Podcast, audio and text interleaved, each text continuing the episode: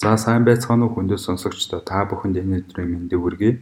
Тэгэхээр энэ удаагийн дугаараар COVID-19 буюу коронавирусын одоо хэдэн өвтөн шинж тэмдэгт илэрдэг хэдэн үеийн нас баралттай тэгээд ямар одоо эрсдэл хүчин зүйлийг агуулсан хүмүүс коронавирусаар хүндэрдэг талаар та бүхэнд нотлохоон суурилсан мэдээлэл олох болно.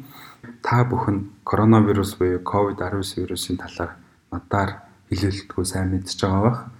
2019 оны төгсгөлд Хятадын Ухаан хотод бол уушигны өрөвслийн тохиолдол бүртгэгдэж улмаар Хятад төдийгүй олон улсад бол хурдстаа тархаж тэр чинээгээрээ өвчлөл бол нас баралтын тоо бол нэмэгцээр байна. Тэгэхээр 2020 оны 2 сард Дэлхийн эрүүл мэндийн байгууллага COVID-19 гэмээр хэмжээ аль биесээр бүртгэж авсан байдаг. Тэгэхээр та бүхэндээ Хятад улсад хийгдсэн 44500 хүнд хийгдсэн одоо судалгааны датагаас одоо статистик бодож гаргасан мэдээллийг бол олгоё. Эдгээр хүмүүст бол нийт халдварын одоо 30% бол хөнгөн зэргийн шинж тэмдэг юм уу аль эсвэл шинж тэмдэггүй байдлаар бол коронавирусын халдвар авч идэгсэн байдаг. А бусад тохиолдолд бол шинж тэмдэг нь одоо хөнгнөөс хүнд зэрэг бүр тэр битгий хэл амнасанд аюултай байдлаар хүндэрч нас баралтанд хүргэсэн байдаг. Тэгэхээр эдгээр хүмүүсийн бол 80 гаруй хувьд нь бол одоо коронавирусын халдвар хөнгөн зэргээр тохиолдсон боёо уушигны одоо хатгалгаагүй аль эсвэл маш хөнгөн зэргийн одоо амьсгалын одоо замын одоо цочрох юм уу эсвэл хөнгөн зэргийн одоо уушигны хатгалгаа гэж хэлж болохоор өөрчлөлтөөр бол тохиолдсон байдаг. А 14% нь бол хүнд хэлбэрээр тохиолдсон байдаг. Өөрөөр хэлбэл амьсгаадах, гипокси болж захад бол хүчил төрөгчийн сатураар сатураац унсна. Эдгээр хүмүүсийн одоо 50-аас дээш удаан бол 24-өөс 48 цагийн дотор бол уушинд ямар нэг өөрчлөлт гарч уушигны хатгалгаагаар бол өвдсөн байдаг. Тэгэхээр эдгээр хүмүүсийн одоо 5% өөрөөр хэлбэл 100 хүний 5 хүн амнасанд аюултай байдлаар хүндэрдэг.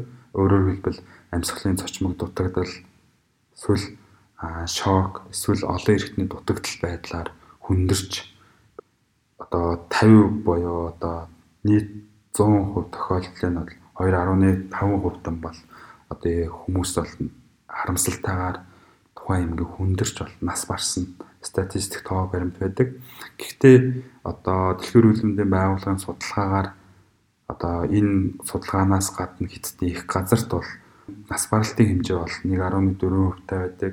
А Солонгост хийсэн судалгаагаар бол 0.9% байдаг. Өөрөөр хэлбэл тухайн улс оронд газар зүүн байрлал ч юм аль эсвэл тухайн улс орны онцлогоос хамаарат бас баралтын хэмжээ бол баг зэргийн одоо харилцаатлгүй байдлаар тохиолдож байгааг бол харагдаж байна. За хоёрдугаар бүлэгт нь бол коронавирусын халтур аваад ямар эрсдэлгүйчин зүйл одоо агуулсан юм уу ямар эмгэгтэй хүмүүс одоо энэ коронавирусын эмгэгээр хүндэрч улмаар амнасанд аюултай нөхцөл байдал үүсч нас бардаг вэ гэхээр дараах одоо гурван хүчин зүйлийг бол илүүтэй авч утсан байна. Нэгдүгürt нь бол тухайн одоо хүний нас өөрөөр хэлбэл ахимаг хөгшин настай хүмүүс бол хүндрэх нь их байдаг. Улмаар амнасанд аюултай байдлаар хүндэрч нас барах нь олонтой байдаг.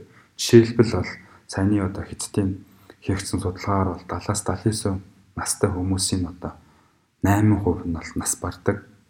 А 80-аас дээш настай хүмүүс нь 15% нас бардаг. Өөрөөр хэлбэл одоо 7 хүн дотмын нэг нь бол нас барж байна гэсэн үг.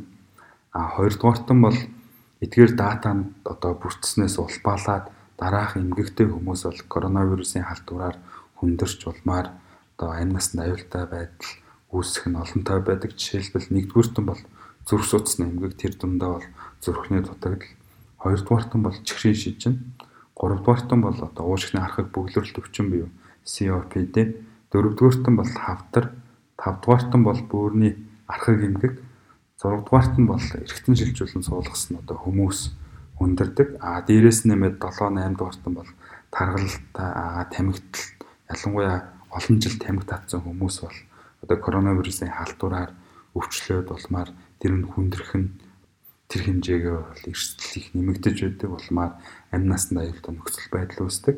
Тэр датанаас бол нэг сонирхолтой зүйл ажиглахад бол одоо 2 дугаар бүлгийн цустай хүмүүс бол амьсгалын одоо дутагдал үүсэх нь бол их байдаг. Гэхдээ энэ бол одоо бага хувьд нь бол ингэж тохиолдсон байдаг. Тэгээд одоо бусад орны одоо эмнэлгийн тусламж үйлчилгээ, нийгмийн эдийн засгийн байдал, эрүүл мэндийн байгууллага яамнаас авч байгаа бодлого арга хэмжээ гэмээр одоо маш их олон хүчин зүйлүүд нь одоо энэ коронавирусын халдвар тархах, коронавирусын халдвар цааш одоо хүндрэх улмаар нас барахад бол тодорхой хэмжээгээр нөлөөлж байгааг бол дурдсан байдаг. Тэгэхээр дараачин дугаартаа та бүхэнд коронавирусын одоо тосгол одоо нууц хугацаа гэж юу юм а шинж тэмдгийн талаар та бүхэндээ дэлгэрэнгүй өгүүлэх болно. Тэгээд манай подкастта цааш цаашдаа хамт байгаараа subscribe хийгээрэй. Тэгээд та бүхэндээ маш их баярлалаа. Дараагийн дугаараар уулзтлаа. Түр баяр та.